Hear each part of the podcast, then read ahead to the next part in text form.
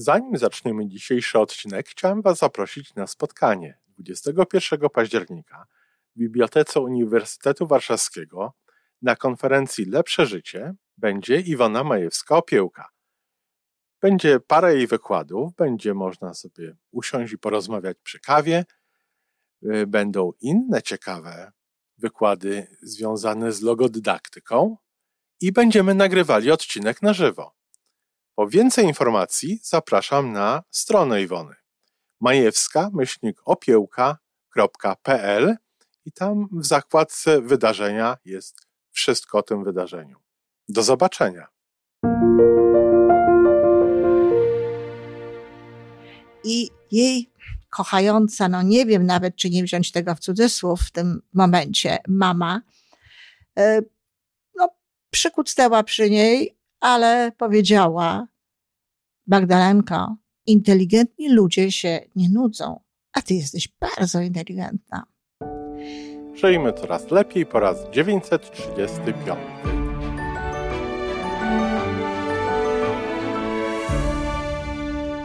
Witamy w miejscu, gdzie wiedza i doświadczenie łączą się z pozytywną energią. Nazywam się Iwona Majska-Piołka. Jestem psychologiem transpersonalnym wspierającym rozwój osobisty i duchowny. A ja nazywam się Tomek Kniat.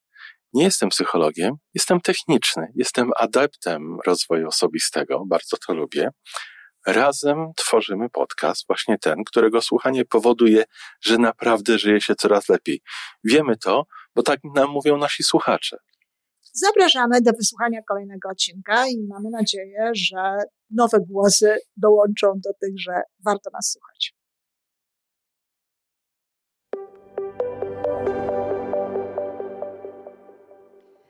Dzień dobry, z tej strony Iwona Majewska-Piołka, wasz psycholog. I już na początku serdecznie proszę o stawianie znaku, że tu byliście, że słuchaliście. Oczywiście najchętniej chciałabym lajki wzniesione do góry paluszek. Liczba tych znaków, liczba tych informacji świadczących o tym, że ktoś to słucha, podobno powoduje, że algorytmy YouTube e, stają, no, pracują na rzecz tego, żeby więcej ludzi mogło to obejrzeć. Bardzo mi zależy na tym, żeby jak najwięcej ludzi oglądało i słuchało naszych audycji, no bo nie robiłabym ich przecież, gdybym nie wierzyła, że mają wartość. E, dziś króciutko, bo e, niedawno zrobiłam dość długi podcast na temat chyba ostatnio zresztą, w ostatni piątek, na temat tego, w jaki sposób podtrzymywać twórczość e, u dzieci. Podtrzymywać, dlatego że dzieci rodzą się twórcami, rodzą się kreatorami, natomiast życie potem powoduje, że gdzieś to tam usypia.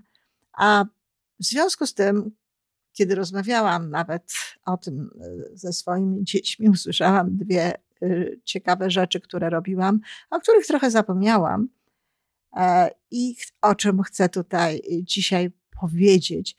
I znowu przedtem, zanim powiem, e, zapraszam na mojego bloga, na moją stronę www.majewska-opielka.pl, gdzie na blogu znajdziecie streszczenie tego, o czym mówiłam w odcinku dotyczącym kreatywności. Takie zebranie tych punktów. Obiecałam, że to zrobię i zrobiłam. Będę czasami łączyć e, te różne swoje media, różne miejsca, w których pracuję, po to, żeby pewniej, jakby, pełniej jakby objąć jakiś temat.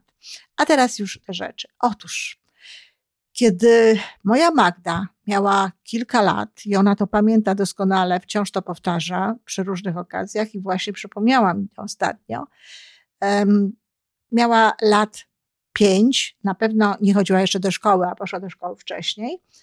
E, przyszła do mnie razu pewnego do kuchni, ona się bawiła u siebie w pokoju, ja coś robiłam w kuchni, w kuchni przyszła do mnie do, i powiedziała, że ona się nudzi. I jej kochająca, no nie wiem nawet, czy nie wziąć tego w cudzysłów w tym momencie, mama, e, no przykucnęła przy niej, ale powiedziała, Magdalenko, inteligentni ludzie się nie nudzą, a ty jesteś bardzo inteligentna. E, Nie musiałam jej tłumaczyć, co to znaczy inteligentna. Na ten temat żeśmy rozmawiały już wcześniej. Ale dziecko poszło bez w ogóle jakiegokolwiek, nie wiem, niezadowolenia czy jakiejś uwagi. Myślę, że bardziej zauważyła to, że jest inteligentna, zwłaszcza, że to słowo zostało powtórzone również na końcu, niż to, że mama nie zareagowała na jej nudzę się. Y, ona nie prosiła mnie o to, żebym się z nią pobawiła. Gdyby mnie poprosiła o to, żebym się z nią pobawiła, no sytuacja by wyglądała zupełnie inaczej i prawdopodobnie bym się z nią pobawiła. Natomiast ona powiedziała, że się nudzi. Dzieci często mówią, że się nudzą. E, I rodzice wtedy próbują rozwiązywać im właśnie tę sytuację. A to zrób to, a zrób tamto, a to zajmij się tym, a zajmij się czym innym i tak dalej. Nudzisz się w porządku, to jest twoje nudzenie, to jest twoja sprawa. Ja nie jestem odpowiedzialna za organizowanie tobie czasu zabawy. Ja mogę się z tobą bawić, ja lubię się z tobą bawić, ale to nie jest tak, że ja będę w życiu zawsze organizować je tak, abyś się nie nudziła, czy nie nudził. Zatem to jest jedna historia. Nawiasem mówiąc, e, to jest prawda. Jeśli, jeśli człowiek ma rozwiniętą inteligencję i właśnie nic mu nie staje na drodze w sensie e, takiego ułatwiania tego, e, tego życia, to tak, zatrudni wówczas swoją inteligencję do tego, żeby zająć się czymś. Y, ma więcej zainteresowań, ma więcej pomysłów, więc faktycznie jedno z drugim bardzo się łączy. Ale też e, myślę sobie, że właśnie tak niepotrzebnie e, za dużo organizując czasu tym naszym dzieciom, no jakby tę ich inteligencję, nie to żebyśmy ją zmniejszali, bo takiej możliwości nie ma, ale nie robimy z niej użytku, nie ćwiczymy jej tak jak mięśnia do tego, żeby mogła dobrze funkcjonować. A drugą historię przypomniała mi Weronika. Jak gdzieś o tym przeczytałam e, w którejś książ książek, nie wiem czy nie mm, e, Merillów w książce, e, którzy tak napisali, mm, oni pisali o, o wychowaniu dzieci w zgodzie z siedmioma nawykami skutecznego działania. Były, były, by, są to autorzy z kręgu Stephena Coveya. Tam te, gdzieś to przeczytałam, bo ja tego nie wymyśliłam, ale tak mi się to podobało, że najwyraźniej e, używałam tego. Tak, Weronika powiedziała, że kilka razy, kiedy przychodziła do mnie z jakimś e, problemem takim, który dotyczył takiego codziennego życia, gdzie trzeba było sobie poradzić z taką czy inną rzeczą, e, ale też czasami w sytuacjach, kiedy to związane było z jakimiś e, zadaniami mm, intelektualnymi. Nie powiedziałabym, że z pracą domową, bo stąd to u Weroniki było e, troszeczkę inaczej, ale właśnie z jakimiś takimi zadaniami intelektualnymi. A ja, no tego Weronika nie powiedziała, ale znając siebie, wiem, że tak było. A ja wiedząc, że to jest w zakresie jej możliwości, że ona może to załatwić, mówiłam jej, Weroniczko, jeśli nie dasz rady, to oczywiście przy, pomogę ci, ale użyj swojej inteligencji i wyobraźni i na pewno rozwiążesz. I ona mówi, że bardzo to zapamiętała. U, użyj swojej inteligencji i wyobraźni. Ja pamiętam, że wtedy w tej książce, to nawet to był jakiś skrót tylko literowy.